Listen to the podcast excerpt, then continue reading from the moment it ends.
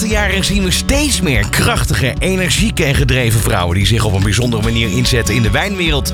En zij is iemand die met haar werk, passie, kennis of creaties de wijnwereld nog mooier maakt. Deze bijzondere vrouwen die verdienen een prijs. Ik heet je van harte welkom bij de tweede aflevering van de Wijnvrouw van het Jaar verkiezing. De eerste uitzending hebben we kennis kunnen maken met de eerste genomineerde Claudia van Dongen. Vandaag komt daar de tweede genomineerde bij. Ik ben Ron Lemmens en bij mij in de studio de initiatiefneemsters van de Wijnvrouw van het Jaar verkiezing. Barbara Verbeek en Clarissa Sliegeland. Van koken tot wonen en van gezondheid tot showbiz. Radio. Wat een lekker moment, dames. Eh, Goedemiddag. We hebben er zin in. Zijn we. De vorige keer in die uitzending was het maandag. Moest de werkweek nog gaan beginnen. Waren de terrassen nog dicht? Ehm, Nou, waren we de helft van de tijd gewoon in onze joggingbroek, toch? Ja, dat, eh, dat klopt. Ja, ik no- loop normaal altijd in, eh, ja, in vintage kleding. En eh, ik weet nog dat ik eh, ergens in januari zei tegen mijn inloopkast... Hang in there, girls, tegen mijn jurkjes. Dus, maar ik heb er een aan. Ik zie het. Ja. ik zie het. Dus eh, ja, Ja, ik ben er klaar hoe voor. was jullie eerste moment op het terras? Nou, dat was natuurlijk geweldig. Het, was, eh, het stond eh, volop in de agenda natuurlijk om er als eerste bij te zijn om 12 uur. Dus ik ben daar eh, met eh, mijn beste vriend Gijs Brecht, ook medeoprichter van de Buik, eh, naar ons favoriete terras gegaan.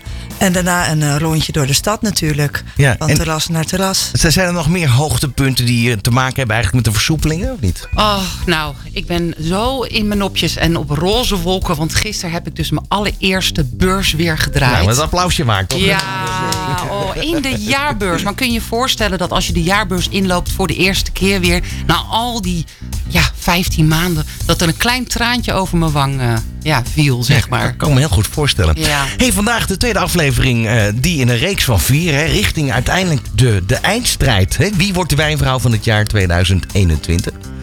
Die hebben we vandaag allemaal in de studio. Ik, ik ga toch even aan jullie vragen, want ik bedoel, eh, jullie zijn natuurlijk de organisatie achter de wijnvrouw van het jaar verkiezing. Dit- Ja, Dit is de zeker. wereld waarin ik een beetje mag intreden, maar jullie kennen daar iedereen. Nou, Bijna iedereen. Nou, nou, nou. nou, laat ik gelijk beginnen eh, bij eh, Elke Woltering. Zij is eh, wijninkoopster van de Plus Supermarkt. En wij hebben haar genomineerd als tweede vrouw van Wijnvrouw van het jaar. Dus er komen er nog drie bij. En zij zit hier in de, de studio. En ja, we gaan straks alles van haar horen. Want ze heeft zoveel te vertellen. Zo'n leuke, bescheiden vrouw. Dus eh, woehoe, ik heb er zin in. Hey, en het allerleukste is eigenlijk dat we ook even een jaar kunnen terugblikken. Want een jaar geleden, wanneer was dat ongeveer de finale van de editie van 2020? Dat was in eh, september. Ja, Ja, op Gastvrij Rotterdam. Ja. Nou, en Ja. ze is hier in de studio, de winnares van vorig jaar, Margda van der Rijst. Hallo.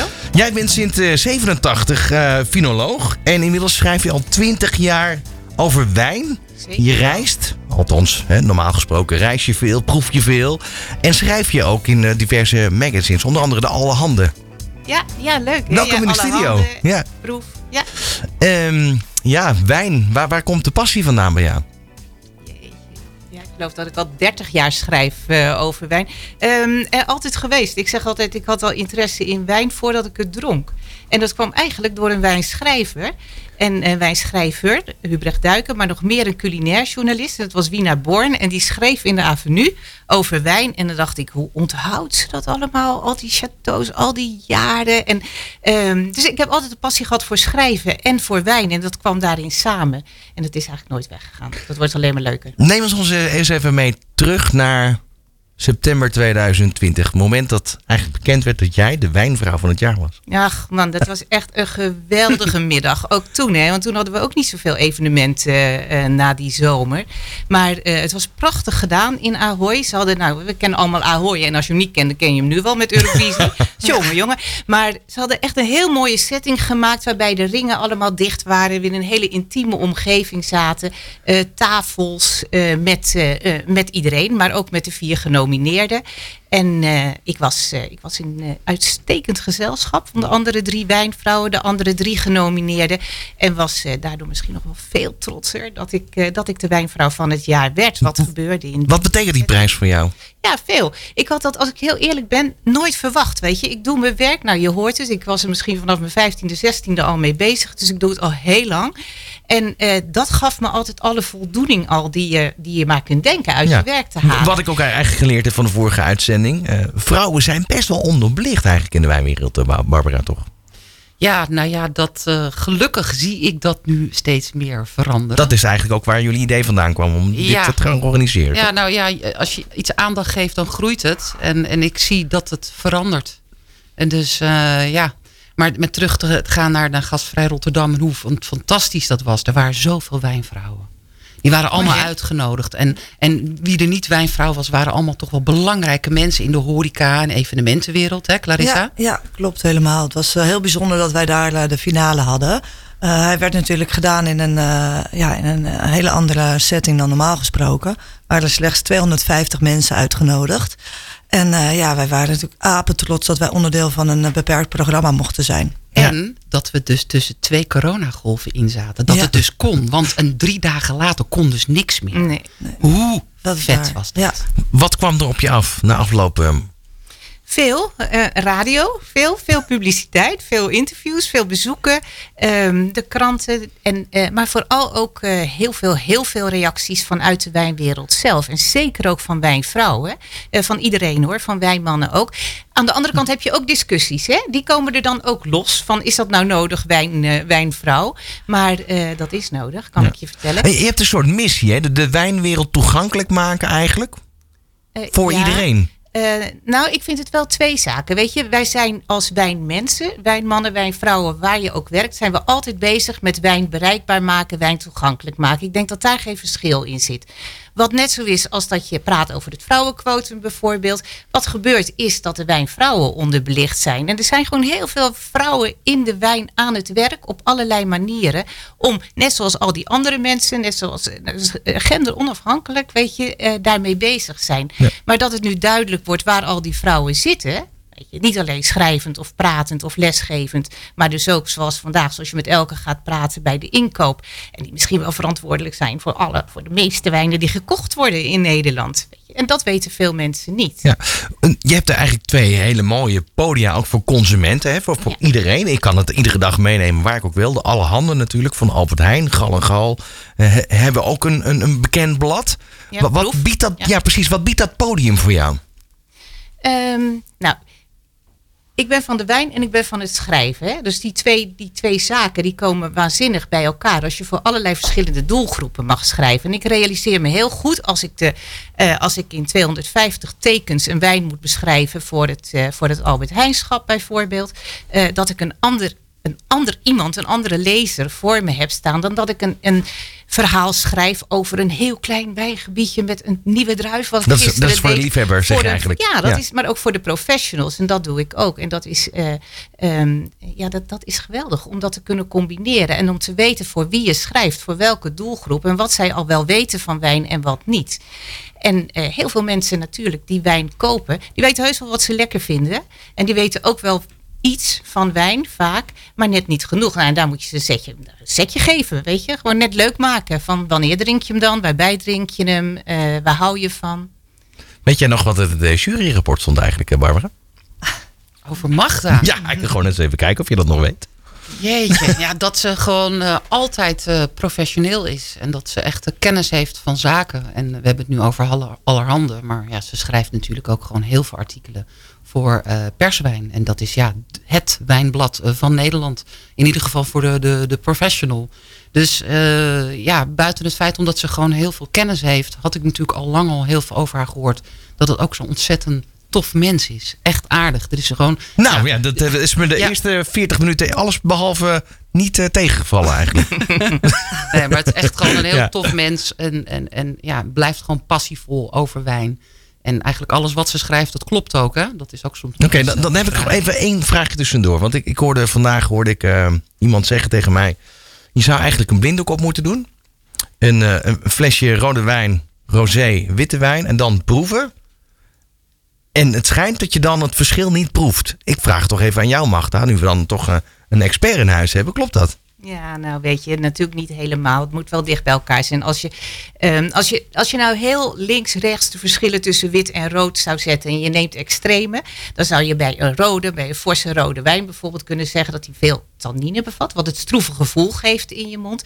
En dat een witte wijn, omdat hij niet met de schillen waar die tannines uitkomen doorgaans, wordt geperst. En die heeft die tannine niet. Dus ook jij zou met je ogen dicht, als je dit al zou weten, kunnen proeven. Maar dan zitten er een heleboel, zitten een heleboel variaties tussen. Is dit de basis van het proeven wat we nu door jou Nou, uitgelegd krijgen? dat meer? nog, nog niet helemaal. Dan, eh, daar geef ik, eh, daar, ga- nou, ik geef niet zoveel les, maar daar geef ik wel eens les in. Maar als, als je er tussenin gaat zitten, weet je, er zijn natuurlijk een heleboel nuances van, van rode wijnen die veel lichter zijn en witte wijnen die steviger zijn. Ik eh, kan zo een serie voor je neerzetten waarbij jij zeker de mist in gaat. En eh, temperatuur eh, ook. ja. Nou, de temperatuur, maar toch ook wel echt voor de structuur. Dat je op structuur proeft. Maar je kan echt een, rode wijn neerzetten die, neerzetten die heel dicht bij wit komt. En een wit die, eh, wat dat betreft, dicht naar rood eh, toe gaat. Als je de kleur niet ziet. We doen dat op de, op de Wijnacademie bijvoorbeeld. Dan geef ik daar een les in hoe dat gaat. Eh, dat proeven met een heel bewustzijn van je zintuigen. En daar hebben we een, een onderdeel dat we eerst alle zintuigen afsluiten. Dus je oren dicht, een masker op, zwarte glazen. Je neus met een, met een neusklip ook nog dicht. En dan van lieverlee halen we er iedere keer een zintuig bij. En dan merk je dat dat, eh, dat het invloed heeft op je proeven. Maar de kleur ongetwijfeld. Als jij een glas witte wijn ziet voor je, die, eh, die opeens naar rode wijn smaakt, dan ben je in de war. Daar raak je, daar raak je van in de war. Dus je, bent, je hebt al van tevoren een idee over hoe die wijn gaat smaken. Maar eh, misschien is het leuk als jullie het eh, een keertje doen hier in de studio. Eh, Kijk jullie even aan. Ja, mag dat goed idee? Zullen Ja, we dat, eh, gaan we dan alle volgende- drie proeven? Volgende uitzending gaan we dat, Dat is doen. goed. Oké. Dat doen we. Mag nou even, even een andere vraag voor jou? Jij bent ook bestuurlijk actief, zeg maar, als Ja. voorzitter van de stichting Drankexamens en Normering. Ja, ja. En met name de inzet om de kwaliteit van die examens hoog te houden. Nou, dat is, dat is een, van de, een van de doelen van, eh, van, van die club. Maar ook om ervoor te zorgen dat de examens bereikbaar zijn. Dat ze overal georganiseerd worden. Niet de ui- uitvoering ervan, maar wel dat het gebeurt. Dat ze, dat ze actueel zijn, dat ze gecertificeerd zijn, onafhankelijk zijn enzovoort. Ja. Is dat leuk om te doen? Ja, dat is ontzettend leuk. En het is vooral leuk. Eigenlijk hoor ik daar, zeg ik voorzichtig, niet te zitten. Omdat ik ook betrokken ben bij eh, het maken van die examens. Dus ik zal er ook snel uit zijn. Maar het is goed om in aanloop. En we zijn zo vijf jaar bezig met, deze, met dit onafhankelijk eh, bestuur daar in die SDEN. Eh, is het goed om wel mensen uit het veld te hebben. En ik was eigenlijk nooit zo'n zo'n bestuurlijk dier, zal ik maar zeggen. Volgens mij ben ik ook helemaal niet Maar het is eigenlijk een soort van, ja, je zou kunnen zeggen, cultuurbewaking ook. Ja, nee, nou, nou, het is kwaliteit en ervoor Precies. zorgen. En er vooral ook voor zorgen dat iedereen op elk niveau examens kan doen. Dus dat geldt natuurlijk eh, eh, alweer voor, en misschien dat Elke daar straks ook iets over vertelt, medewerkers op de vloer in de supermarkt, wat die over wijn weten, tot weer het allerhoogste niveau in Nederland. Weet je, en op al die niveaus moet het mogelijk zijn om daar ook eens een examen in te doen en een diploma te halen. Hoe hou jij zelf de ontwikkeling van de wijnwereld bij? Ik bedoel, ehm, we kunnen dat op verschillende manieren kunnen we dat bespreken. Ehm, eerst moeten we misschien gewoon eens hebben over dit jaar. De Oost is mislukt in, in Frankrijk met name. Ja. Maar Ja. wat heeft dat voor effect eh, op de Nederlandse wijnmarkt? Nou, de oogst is mislukt, weet je wel. De, de oogst is natuurlijk veel kleiner geworden. Wat bedoel je nou eigenlijk precies? nou ja, we het- hebben in de ieder geval gehoord dat... Hè, nee, de oogst Oh, je is, bedoelt eh, nu ja, de vorst van dit voorjaar? Juist, ja. nee, dus er zal minder zijn. Dat heeft natuurlijk effect voor de prijzen. En ehm, eh, wat er aan de hand is, is dat het best mogelijk is dat de kwaliteit weer uitmuntend wordt, weet je. Dus je krijgt een lagere opbrengst. Ehm, maar, en dat, heeft, dat is natuurlijk vreselijk voor een heleboel wijnboeren. Maar je hebt ook kans dat de kwaliteit heel goed wordt. Maar ja, dat zal wel gevolgen hebben voor de prijs. Nou, als er iemand eh, daar al iets van weet, dan is dat Peter wel. Dus die gaat er zo dadelijk wel iets over Ja, dat, zeggen. dat lijkt me ook. Ehm, maar voor, jij, voor jou, jij gaat natuurlijk reizen, je gaat proeven. Eh, betekent dat ook dat jij, wijze van spreken, dit jaar het vizier hebt om hier een keer een artikel of een, een stuk over te schrijven? Oh ja, over deze natuurlijk. hè. situatie? Maar weet je, ik, eh, normaal gesproken reis ik altijd en praat ik daar met de wijnboeren. Maar eh, zoals het overal in elk werkomgeving is gegaan. We hebben natuurlijk verschrikkelijk veel gezoomd. En ook, weet je, als je weet hoeveel digitale proeverijen er zijn. Waar vroeger de producenten voor kwamen of waar wij voor naar de wijnboeren toe gingen. In het begin lag dat natuurlijk allemaal even stil. Maar, op een Maar je wilt toch moment- gewoon zo'n domein oplopen? ja, natu- Ja. natuurlijk. Natuurlijk wil je dat. Weet je? Dus het is ook helemaal niet fijn dat het gebeurt. Maar daardoor heb je wel contact met ze. En je praat met ze. Nee, gisteren nog 2,5 uur met een, eh, met een wijnboer uit Italië. Weet je, zitten praten. En dan heb je het ook over dit soort zaken. Dus het contact is er natuurlijk wel. Hè. Je blijft in die zin wel op de hoogte. Maar oeh man, ik heb zo zin om er weer naartoe te gaan. En het gewoon weer te ruiken en te weten wat er is. Want je ziet altijd meer. Voor het schrijven is het echt zoveel inspirerender om, eh, om er te zijn. 1987, eh, toen begon je eigenlijk met schrijven. Dat is een hele tijd geleden al, eh, zou je kunnen zeggen. Ja, ja. Wat, wat, wat, wat zijn, bij wijze van spreken, hoogtepunten in die afgelopen jaren... waarbij je hebt gezien dat die, die wijnbranche een bepaalde boost heeft doorgemaakt? Misschien wel innovatie eh, of, of modernisatie? Ehm, nou, ik vind als, als we heel recent zijn, eh, als we heel recent kijken, vind ik het, ehm, eh, vind ik het super gaaf dat er zoveel aandacht is, ook voor andere en veel minder bekende druivenrassen bijvoorbeeld. Nou, blijf ik heel dichtbij. Gisteren schreef ik over weer die Italiaan, weet je wel. Maar laten we maar eventjes eh, bij deze week blijven. Over Timo Rasso. Nou, dat is dan bijna, was een vergeten druivenras, is weer in opkomst. Nou, dat is natuurlijk, maar dat geldt niet voor dat. Er zijn heel veel verschillende druivenrassen die opkomen naast de grote. Tegelijkertijd heb je natuurlijk de aandacht voor minder alcohol. Wat nu echt aan de hand is. Kijk even naar links, wat staat er klaar? Is dat met of zonder? Ja, die doen we dan weer met alcohol. maar zelfs weet je, nee, maar goed, wijn moet natuurlijk. Wijn is eigenlijk per definitie natuurlijk met alcohol. En zo maak je ook alcoholvrije wijn. Door eerst die wijn te maken met die alcohol. En daarna wordt de alcohol eruit gehaald. Een mooie ontwikkeling vind ik wel dat, uh, dat daar sommige producenten ook alweer op gericht zijn. Er zijn specifieke producenten die nu al planten, uh, druivenrassen planten en ze op een bepaalde manier bewerken in de wijngaard, uh, die goed wijnen kunnen leveren met een lager of zelfs zonder alcohol, doordat ze anders in elkaar zitten, dat ze op een andere manier worden verwerkt en ook worden verbouwd dat vind ik mooie ontwikkelingen, weet je wel. Ik uh, blijf uh, van wijn met alcohol houden hoor, heel duidelijk. Volgens mij kunnen we echt uren doorpraten. Ja, zeker, zo, hoor. Ja, Alleen de, de, tijd vliegt ook heel erg. Wat voor tip zou je hebben aan de wijnvrouw van 2021? Er enorm van genieten.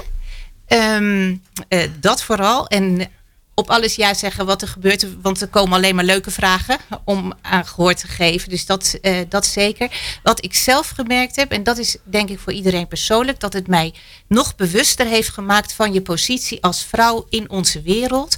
En uh, hoe we die nog moeten aanzetten. Dat het moet toenemen. En dat je daar als wijnvrouw van het jaar echt een functie in hebt en kan hebben door daarop te focussen. En want er zijn natuurlijk overal talenten. Dus onder de mannen, onder de vrouwen. Uh, maar goed, we moeten nog even een paar vrouwen meer hebben. Dus goed in die bak kijken. Magda van der Rijst, ik eh, wil je danken voor de komst in de studio. En uh, ja, we gaan je artikelen lezen. Want dat is heel erg makkelijk volgens mij. Ja. Van koken tot wonen en van gezondheid tot showbiz. Good Life Radio. Het is zes minuten voor half twee. Je luistert naar een speciale uitzending. De tweede aflevering alweer over de wijnvrouw van het jaarverkiezing. Um, ik ga eventjes naar Barbara, een van de organisatoren. En uh, ja, Clarissa is natuurlijk ook uh, hier in de studio. Uh, in september, hè, dan is het moment daar. Welke datum is het? Ja, 22 september op een dinsdag op gastvrij Rotterdam. En die gaat op zeker door.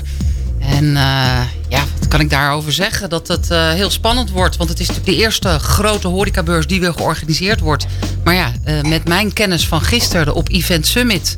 denk ik dat het helemaal goed gaat komen ja. met testen en, en, en zendertjes om. En uh, ja, een bubbel creëren ze. Hè? Dus een bubbel, van bubbels gesproken. ah, bubbel. bubbel. Uh, ik vind het toch altijd wel in, in zo'n uitzending waar je wijn... Uh, dat was ook echt toevallig. Dat was de glazen laten klinken, toch? Hè? Zo. Oh. nou, Peter is ook weer aangeschoven.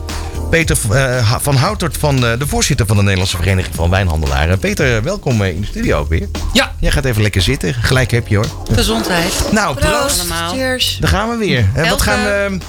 Ja, ik, ik vind het, ik vind het wel apart. Um, dit is een beetje het, het nieuwigheid, hè, als we kijken naar de glazen.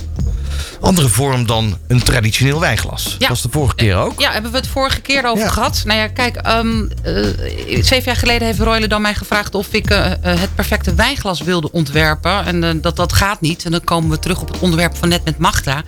Dat je hè, kleuren niet kunt ruiken, proeven ik denk daar ook exact hetzelfde over. Omdat ik denk dat wijnen, dat je die kunt verdelen in een stijlwijn. Nou goed, dus ik heb vier wijnglazen ontworpen voor vier stijlen wijn. En het vijfde glas was een beetje een, ja, een, een nieuwe energie, een nieuwe beweging. Geen fluit, maar een soort van modern koepje. Hoe ontwerp je zoiets champagne. eigenlijk? Nou, met uh, potlood en papier. Ja, oké, okay, maar goed. Maar ga je ook testen? Lijkt me toch wel. Ja, ja, ja. Royledam heeft een aantal mallen voor mij uh, gemaakt. En daarbij uh, ben ik uh, al mijn wijnvriendjes en vriendinnen langs gegaan. En zelf heel veel geproefd. En proeven, proeven, proeven. Dat, dat is het. Wel bijzonder. Ik wist dat trouwens niet dat jij dat ontworpen had ook. Nee, daarom vertel ik het bijzonder verhaal. We gaan even naar Peter. Peter, leuk dat je er weer bent. Ja. Um, ja, we hadden het net al over die, die mislukte oost. afgelopen vorstperiode was het volgens mij april zo uit mijn hoofd. N- ja, zeg maar eh, eh, maart, april. We hebben dus te maken gehad inderdaad met een... ja, dan, je, krijgt... Als het iets, iets warm is, de winter is voorbij... dan gaan natuurlijk, zie overal de knopjes komen aan planten, bloemen, bomen. En dan, dan gaan die open. Dan zie je dus het uitbotten van de, de eerste wijnknoppen. Je ziet dus blaadjes komen.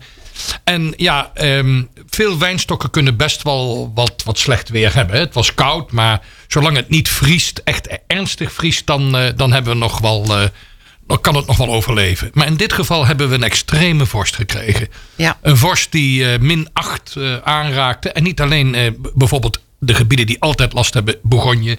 Elk jaar wel bingo. En dan zie je ook al die potten met vuur. Geeft altijd ik- ik waanzinnige foto's en alles. Ja, met Potten paraffine. met vuur. Moeten we misschien even voor de luisteraar die dit voor het Ja. eerst hoort... Ja. even uitleggen. Maar eh, in feite daarmee is, is het idee... eh, om de temperatuur in die Ja, wijngaard ja, toch boven nul ja. te houden... door daar vuur neer te Ja, zetten. je zet pot, potjes met paraffine. Dat is natuurlijk niet ideaal, want paraffine is toch wel behoorlijk vervuilend. En men kijkt ook naar andere mogelijkheden. Kacheltjes, verzin het allemaal. Het wordt gedaan met helikopters, eh, drones die boven de wijngaarden gaan vliegen om luchtbeweging eh, te Ja. krijgen.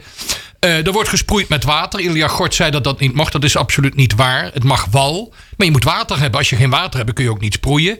Maar dat doen de fruittelers hier ook. Hè? Dus dat is een soort ijslaagje over die blaadjes heen.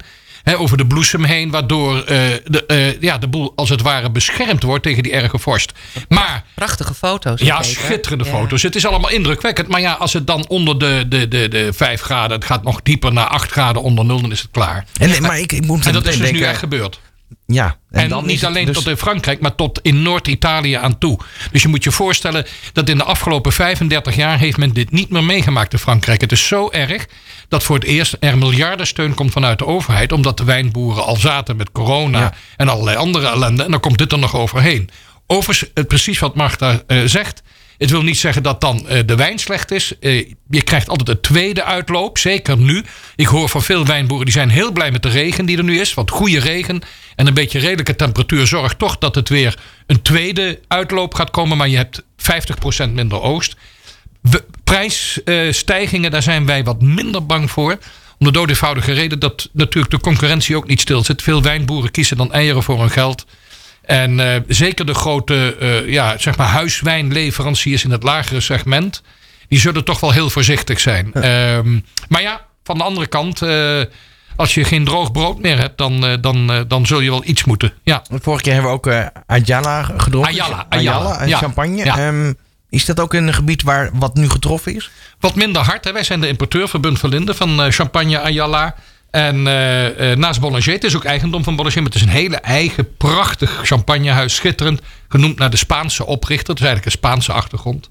Eh, champagne heeft er wat minder last van gehad, omdat het daar heel heuvelachtig is. Weet je, je krijgt vooral vorst op de laagvlaktes. Waar, daar zie je inderdaad open vlaktes. En dat is in Champagne iets minder het geval geweest. Dus ik heb daar niet hele ernstige berichten van gehoord. Maar bijvoorbeeld wat mensen helemaal niet beseffen. In Zuid-Frankrijk is, het, is het enorm slecht geweest. Tot in de, diep in de Languedoc. Nou, normaal is het daar heerlijk weer. Heb je dit niet? En je ziet ook dat die, die wijnboeren zijn er helemaal niet tegen opgewassen. Dus eh, die weten ook helemaal niet meer wat ze moeten doen. Groot drama hoor. Want eh, Ja, ik heb echt huilende wijnboeren aan de telefoon gehad. En, en eh, wat je al zei, daar komt corona eigenlijk nog eens een keer overheen. Dus eh, ja, een buffer, hè, ook al heb je jaren... Ja. Wijn kan natuurlijk Ja. jaren rijpen. Ja. Maar dit is gewoon niet meer te bekostigen Nee, eigenlijk. op een gegeven moment is. Kijk, wijn, veel mensen vergeten dat, is een natuurproduct. We denken altijd dat, dat het allemaal zo makkelijk is. En natuurlijk kun je een hele hoop doen vandaag de dag met moderne technieken. Maar het is en blijft een natuurproduct. Het zijn druiven. Druivensap gaat gisten, omgezet eh, in eh, eh, koolzuur en alcohol, de suikers die in die druiven zitten. Dat is eigenlijk het hele simpele verhaal. Ja, en dat wordt doorbroken doordat de natuur niet helemaal meewerkt. Dat kan hitte zijn, dat kan vorst zijn. Eh, Dat kan droogte zijn. Er zijn allerlei factoren die daar een rol bij spelen. En het is, het is, ja, je hoort wel eens zeggen dat mensen zeggen... eh, ik, ik, mijn kinderen in de stad weten niet meer dat melk eh, van een koe komt. Die denken dat het uit de supermarkt komt of zoiets. En verder weten ze niet. Ook veel mensen hebben geen idee meer... dat wijn echt een natuurproduct is... en elk jaar opnieuw gemaakt moet worden. Ja. Eh, over die wijn gesproken, Magda zei net ook al van, maar er zijn kansen. Er zijn kansen dat daar een pareltje straks tussen zit. Hè, dus dat is de keerzijde van die mislukte Oost. Daar zou een hele unieke wijn kunnen komen over het jaar 2021. Absoluut. Ik denk dat er eh, in bepaalde gebieden. Kijk, dat zijn, Chablis is een drama. Chablis is wat helemaal weggevroren. Ja, die is weggevroren. Dat moeten we echt, eh, echt goed bedenken. Dat Chablis, dat komt niet meer goed, denk ik. Eh, maar je voor dit krijgt jaar. absoluut. Hè? Voor Ja, dit jaar, ja. Voor dit jaar. Eh, maar je moet echt wel onthouden dat, eh, dat er natuurlijk wijnproducenten zijn die, die, die eh, toch in staat zijn, zeker als we dadelijk een mooie zomer krijgen. Hè, en en daar, daar wordt ook weer fantastisch geschreven hierover. dat, je, dat je eigenlijk moet, moet hebben dat, dat de rijping het laatst plaatsvindt in de maanden september. Eh, augustus, september, vooral zeg maar eh, eind augustus, begin september. En dat moet, dan moet het niet te warm zijn, misschien een beetje vocht en dat soort dingen erbij, waardoor je toch prachtige eh, druiven, rijpe druiven krijgt met voldoende structuur, zuren en alles wat nodig is om een goede wijn te maken. Wat ik, wat ik, daar ben ik het mag daar ook eens. Je ziet om die reden ook hele andere bewegingen, namelijk dat bepaalde druivensoorten weer terugkomen. Druivensoorten die afgeschreven waren, die weer terugkomen omdat ze beter bestand zijn tegen het klimaat, bijvoorbeeld tegen de hitte. En hele traditionele gebieden als bijvoorbeeld Bordeaux, die hebben nu gekozen, eh, ervoor gekozen om andere druiven neer te zetten naast die noem eens een soort. Nou, heel bijzonder is de Torrico Nacional. Dat is een druif die uit, eh, uit Portugal komt, uit het eh, portgebied. En die is nu officieel toegestaan in de Bordeaux. Want dat ligt natuurlijk ook voor een groot deel vast. Hè? Wanneer is het een Ja. Bordeaux wijn? Of althans, wanneer mag het een Bordeaux wijn Als het een appellatie is, hè, binnen de appellation controlé, strenge wetgeving, wordt precies gezegd die druiven, die druiven, die druiven. Dat is allemaal vastgelegd. Maar we zitten in een veranderende wereld, klimaat verandert. En je ziet bijvoorbeeld de Merlot heeft onvoorstelbaar veel moeite met de opwarming van de aarde. Cabernet Franc daarentegen, die vaart daar wel bij. Die was altijd wat moeizaam rijp te krijgen. Nou, die gaat dan weer heel goed. Maar in sommige gebieden van, van de Bordeaux dek zo extreem warm dat ze daar nu Torrico Nacional gaan aanplanten. En dat is een druivensoort uit Port, die, eh, Porto, uit het Portgebied, eigenlijk uit Portugal. Veel, heel goed bestand tegen de hitte. En daardoor krijg je natuurlijk, het zal nooit massaal aangeplant worden, maar je kunt wel daardoor zeg maar, eh, eh, een, een, een wijn overeind houden. Gaan de hele grote chateaus dat doen? Dat zie ik niet gebeuren. Ik denk niet dat Mouton Rothschild dat gaat doen of Lafite.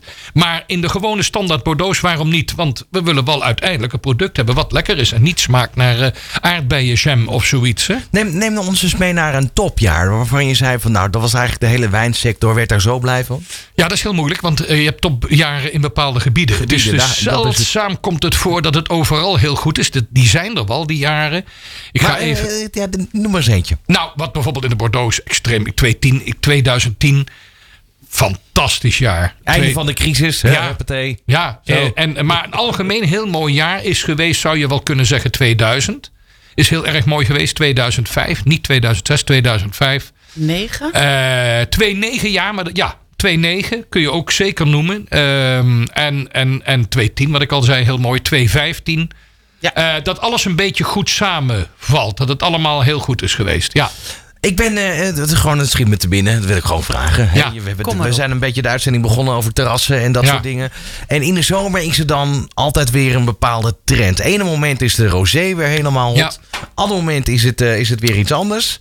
Wie bepaalt dat of hoe bepaalt men dat eigenlijk? Ja, dat is heel leuk. Is het kip of het ei verhaal, zeg ik altijd. Oké. Dus horeca die inventief is, die leuke nieuwe dingen gaat neerzetten. Ik denk dat er heel veel aandacht gaat komen voor cocktails.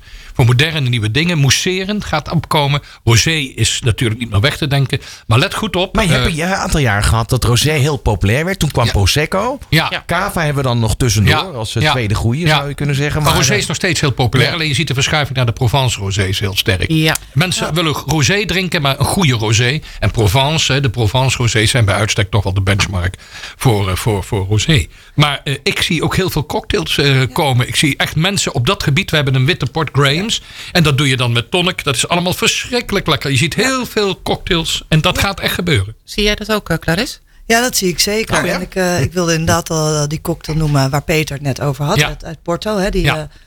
die wordt gemixt met tonic. En dat is echt een eh, heel verfrissend eh, drankje. Wel gevaarlijk. Ja. Eh, Want het, het, drinkt als ranja, zeg Ja. nou, het is, het is ontzettend lekker. Maar dat doet En, eh, champagne ook hoor. Drinkt ook, Ja, dat is maar ligt er maar net aan welke moed je bent. Nou ja, en een oplossing daarop is natuurlijk wat we Ja. zien als je het over trends hebt, is Ja. ja. geen wijn, maar dat is de hard seltzer. Dus Ja. dat is een laag alcoholische drankje met, eh.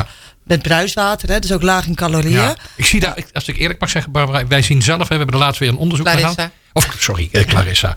Wij zien zelf eh, dat nog niet, dat zouden we dadelijk even aan Elke kunnen vragen, dat dat nog niet explodeert. hoor. In Amerika is het mateloos populair. Maar of dat nou helemaal over hier naartoe gaat waaien, er zijn een groot aantal spelers die het aanbieden. Hè? Zelfs Ja, als- nou, dat is zeer opvallend dat Ja. er heel veel partijen het aanbieden nu. Ja. En daarom zou je zeggen dat er ook een, een flinke vraag naar is. Kijk, wat, wat natuurlijk wel, en daar, daar had Magna het net natuurlijk ook over, eh, minder alcohol, maar ook vooral minder calorieën. En daar wordt wel op ingespeeld op die manier. Maar we gaan wel feest vieren dadelijk als het allemaal weer mag. ik denk dat calorieën zeker. dan toch op de tweede plaats gaat komen. In ieder geval bij mij. Nee, sorry. Ja, Toch even, even een bruggetje maken naar feestvieren. Ja. De nominatie is geweest van de Ja. tweede hè, genomineerde van Ja. Wijnvrouw van het Jaarverkiezing. En we konden nu ook echt eh, bij elkaar komen. Dus eh, de eerste eh, genomineerde, dat was hier bij jou in de, de radio-uitzending. Maar nu konden we echt bij elkaar komen. En wat was het fijn. We Oh. waren met z'n dertienen. We stonden op afstand in de zon. De Volle enige zon, dag dat de zon zon. eh, eh, scheen. En Ja. we keken uit over de Maas bij Hotel New York. En eh, nou, we zagen allemaal bekende Nederlanders. Want die zitten natuurlijk allemaal Songfestival. En die sliepen in Hotel New York. Dus het was eigenlijk En we hadden heel... champagne en oesters. Oh, we hadden de vintage bakbrommer met echt honderd oesters. Ja. En heel veel flessen Ayala champagne. En het was echt heel erg leuk. We zijn eraan toe. Ik hoor was het. echt een feestje. Het was echt een feestje. En het. een hele mooie nou ja, eh, winnares Ja. natuurlijk, hè, die we hebben mogen Ja. Ja, nomineren. dat is- dat, dat maakt het dan natuurlijk ook wel. Hè? Elke is in de studio. Ja. Ehm, we gaan natuurlijk Elke zo meteen bij betrekken, misschien voor de luisteraar. Elke zit eigenlijk nu wel in een soort van eh, hoekje. Ja, Ja, ja, we hebben haar een beetje weggestopt. Dat was niet de bedoeling. Oh, Maar- Elke, ja. kom erbij. Maar Elke ging aan op het moment dat we het hadden over de succesvolle wijnjaren. Ja. Hè, toen zag ik je, ja, ik zag je. Goed, we gaan zo meteen met Elke praten. En eh, ja, Peter, jij blijft er ook nog eventjes bij, toch? Ja, Ja, zeker. Ja. Good Life Radio. Jouw lifestyle radiostation. Good Life Radio. Je luistert naar eh, Good Life Radio. Het is kwart voor twee en we zijn eh, dus bezig met de tweede uitzending van eh, de Wijnvrouw van het Jaar. Ehm, ehm, ja, Peter, je bent nog heel even in de studio gebleven. Jij moet zo weg. Eh, maar ik wil nog even van het moment gebruik maken om eh, jou toch te horen over de tweede kandidaat die inmiddels is aangeschoven in de studio. Eh, dat is Elke Wolfrink. Ehm, jij kent haar al een tijdje. Ja.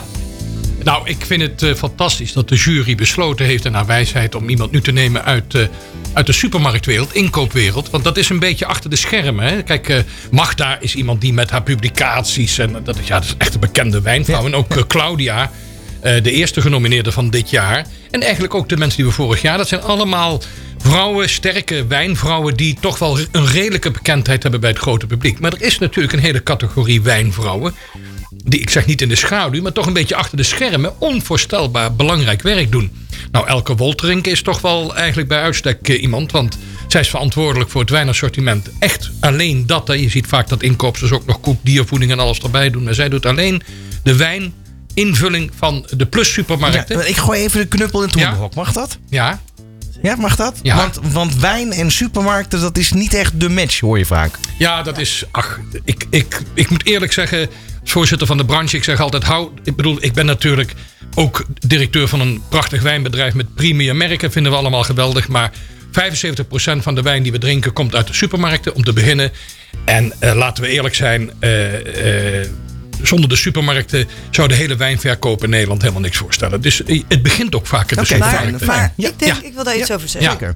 Ehm, ik ken een aantal supermarkten waar zeker goede wijnen verkrijgbaar zijn. Maar ik denk dat de supermarkt ehm, veel minder heeft dan bijvoorbeeld een mooie wijnwinkel als het gaat om beleving. Tuurlijk. Een wijn kopen is vooral ook beleving, vind ik. Maar dat- je Ja, maar kunnen, Clarissa, toch? het is wel zo dat in veel wijnwinkels... Kijk, een wijnwinkel kan ik een advies en alles krijgen. Ja. Eh, in heel veel gevallen, weten we uit onderzoek... is wijn kopen een onderdeel van het vaste boodschappen doen. Ja. We hebben in Nederland een grote winkeldichtheid. Dus in dat opzicht eh, eh, prima. Er zijn supermarkten die, die, die hebben geen officiële wijninkoper. Die doen dat er even bij. Bij Plus is dat echt anders. Ja. Als je voor de negende keer op rij wijnsupermarkt van het jaar wordt... dan wil dat wel wat zeggen. Ik wil daar toch iets over zeggen. Ja. Ik ga dus nooit een supermarkt in om wijn te kopen. Behalve de plus. Behalve Oh. Plus, ja, Ja. dat is ook zo. Kijk, eh, Nou. ik haal de knuppel weer even het hok. Ja, nou ja, ik wil alleen maar zeggen, eh, Elke, is, eh, Elke Woltering is, is echt een, een wijnvrouw die verantwoordelijk is voor een enorme belangrijke eh, ja, hoeveelheid wijn die we in Nederland drinken. En, eh, en ik vind het fantastisch dat we nu eens iemand die achter de schermen al jarenlang bezig is met het product, met educatie, om die ook eens naar voren te halen. Want het lijkt allemaal makkelijk, maar ik kan je vertellen, eh, ik ben zelf wijnkoper van Hema geweest in eh 94, 98. Dus eh, ik weet wat er komt kijken. Vooral als je ook nog met franchisers werkt en allemaal wijnkenners. Het zijn allemaal net als bondscoaches. Hè. We hebben 17,5 miljoen bondscoaches. Zo heb je ook 17,5 miljoen wijnkenners. Dus eh, ik geef het je te doen. Dus ik ben heel blij met de nominatie van Elke Wolker, Wolterink. Peter, dankjewel eh, dat je er was in de studio. Je moet er snel vandoor. Eh, We spreken jou de volgende aflevering. Heel graag. Dankjewel. Eh, Dan toch maar even de introductie van Elke. Zullen we het even op een eh, originele manier doen dan? Toch? Ik heb eh, wel een stukje tekst hoor. Voor, Ja, nou, eh, kom maar op. Van jongs af aan is Elke Woltrink eh, bezig geweest met geuren. Ze verzamelde parfumflesjes en kon blind benoemen welke kleuren hierin zaten. Nou, we hadden het over blind proeven. Dat is ook wel een leuke natuurlijk. Tijdens haar studie aan de Hogere Hotelschool in Den Haag kreeg zij interesse in geuren en een andere invulling toen zij steeds meer de passie voor wijn ontwikkelde.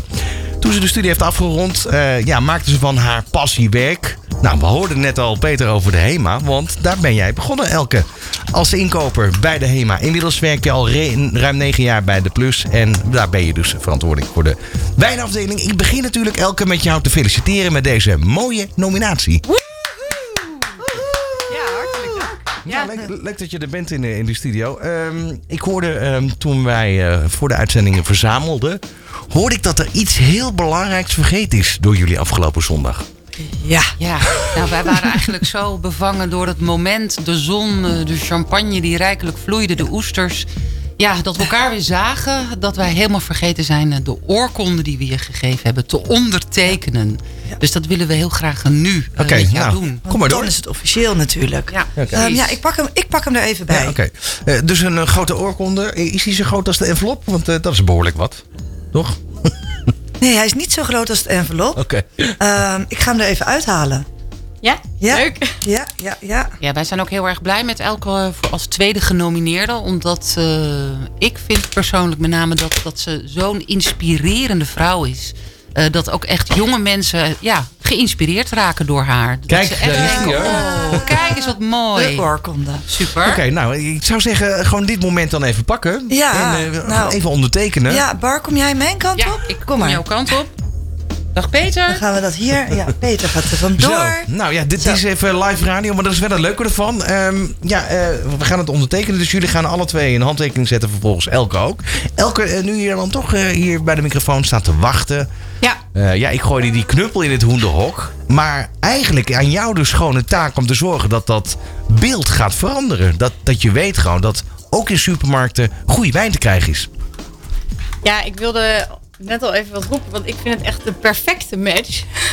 Wijn in de supermarkt. Dat is lekker makkelijk, toch? Ja, ja, ja, ja. Nee, ehm, ja, ik werk voor Plus. Eh, wij zijn inderdaad al ruim negen jaar eh, beste wijnsupermarkt. Ehm, Plus is een, eh, ja, een ondernemersorganisatie met heel veel trotse ondernemers die ook heel erg van wijn houden. Ehm, ja, ik, ik voel me Maar, maar hoe, zijn, hoe dat- zijn dan de, de, de 3, 4 euro wijnen anders dan bij andere supermarkten? Hoe, hoe bedoel je? Wat- Nou ja, in de zin van, nou ja, voor 3, 4 euro heb je geen lekker flesje wijn.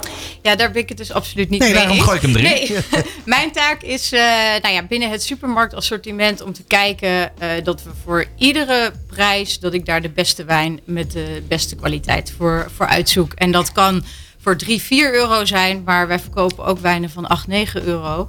En ehm, ja, dat is de grootste uitdaging en het leuke van mijn, eh, van mijn werk. Eh, ik noem het ook wel eens dat we ja, commercieel proeven, zoals ik dat dan zeg. Ik proef heel veel eh, nou ja, vergelijkend. Als ik bijvoorbeeld op zoek ben naar een wijn. Ik zie dat wij een Pinot Grigio zoeken van 8 euro. Die hebben wij nog niet op het schap.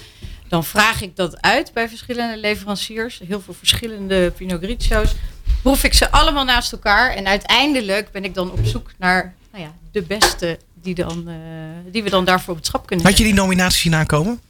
Nee, ik Nee. was zeer verrast Ja. toen Barbara mij belde. Ja. Ja, oh, ja, lieverd. Ja, wij vragen altijd eh, aan, we bellen de dames op. Ik doe dat dan.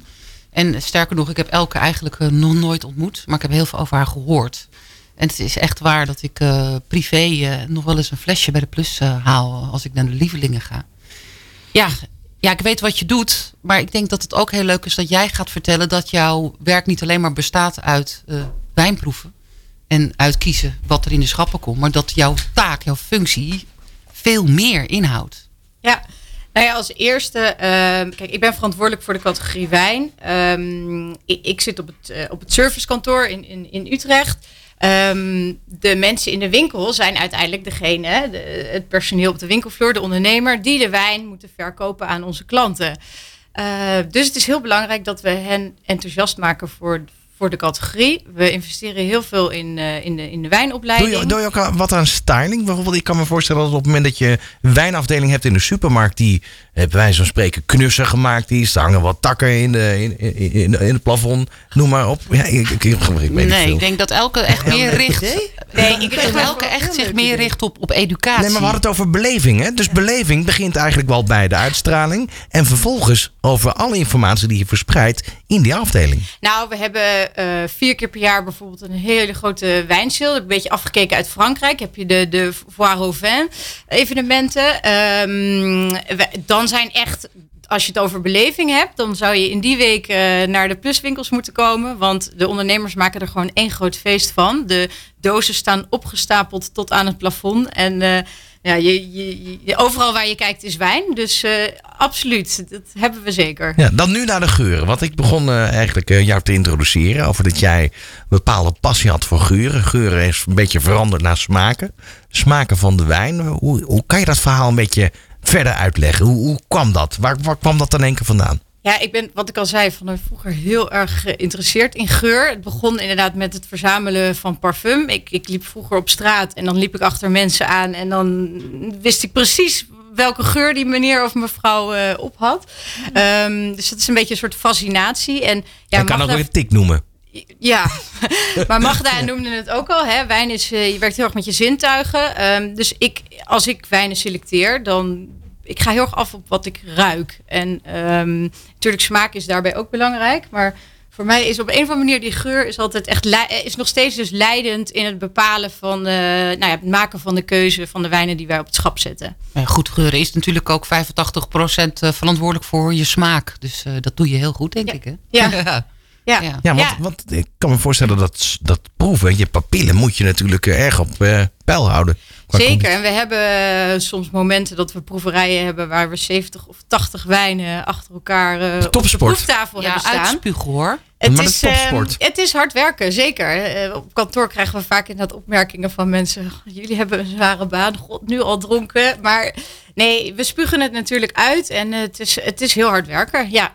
Maar inmiddels zijn we zo getraind. eh, nou, ik proef samen met één of twee collega's eh, vaak. eh, zijn we zo getraind dat je... Ja, je staat ook niet te lang stil bij een wijn. Er zit een redelijk tempo in.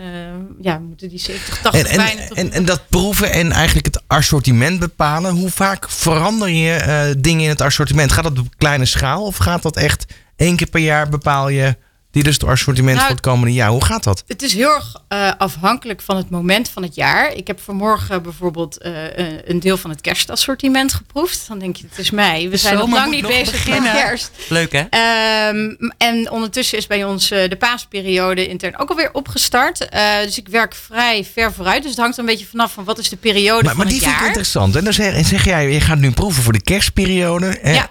Heeft dan de wijn, althans, dan kijk, kijk je dan naar de gerechten waar kijk je naar? Onder andere, ja, ik, kijk, eh, ik heb veel overleg ook met collega's, eh, bijvoorbeeld eh, die verantwoordelijk zijn voor, voor, voor vlees. Of ehm, eh, dat, dat we wel kunnen kijken of we een goede wijn-spijscombinatie maken met de selecties die wij in de kerstperiode. Maar je ja, hebt denk ik ook wijnen die het hele jaar door succesvol zijn, toch? Zeker, zeker. Je hebt, eh, maar wat ik zeg, het is heel erg afhankelijk van de periode van het jaar. Eh, in de zomer zullen wat meer de wat frissere wijnen eh, nou ja, in onze folder staan bijvoorbeeld. En in het eindejaar zal het wat meer gericht zijn op klassiek. Ja, ja. Hoe kijk jij zelf naar die, die, die wereld van de wijnen en daar de rol van de vrouw in? Want hè, daar, daarvoor zijn we hier natuurlijk.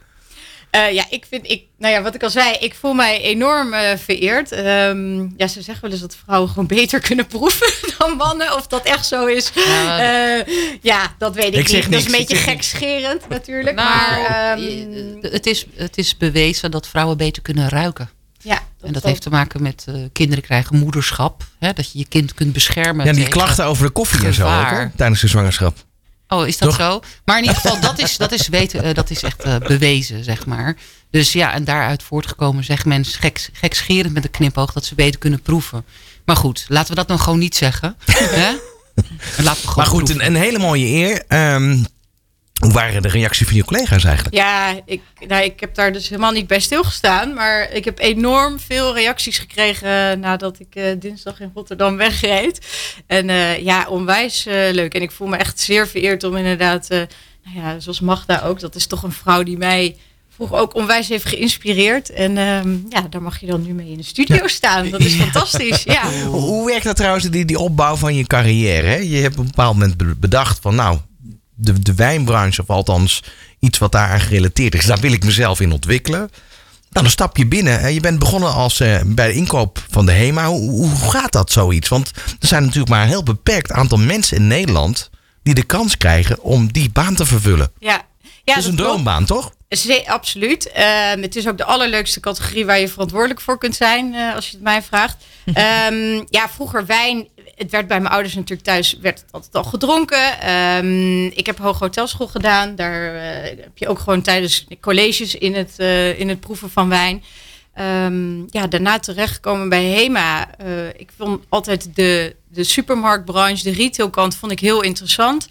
Ja, en daar een, dus een combinatie in kunnen vinden. Ehm, ook bij HEMA begonnen ook nou ja, onder een vrouw die ook heel inspirerend voor mij is geweest.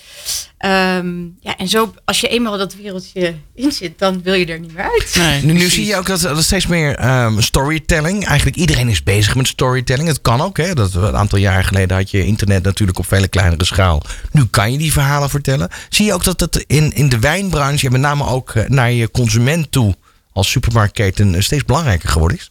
Ja, zeker. En daar spelen natuurlijk ook onze eigen ondernemers een hele grote rol in. We hebben een hele, binnen de organisatie Plus is de lokale betrokkenheid heel belangrijk. Dus de, de, supermarkt in jouw dorp of stad, die, die heeft daar een belangrijke rol eh, te vervullen.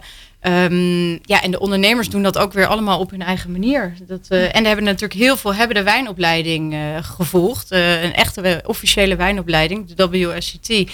En ja, daarmee kunnen ze ook die kennis goed zelf overdragen aan onze klanten. Ik vond het heel leuk dat je hier was, eh, Elke. Dankjewel. Hartelijk dank. En eh, ja, we gaan eh, toch een beetje voor je duimen. Maar dat doen we natuurlijk ook voor de andere kandidaten die eh Ja, geselecteerd is worden in ook zo leuk, hè? Ja, En twee jonge kinderen verhaal. heeft ze ook, hè? En dan zo hard Nou, jij, werken, jij hè? herkent de opmerking, Elke, hè, van de koffie die gaat stinken als je zwanger bent, toch? Ja, zie je dat? Ja, herkende je dat? Ja.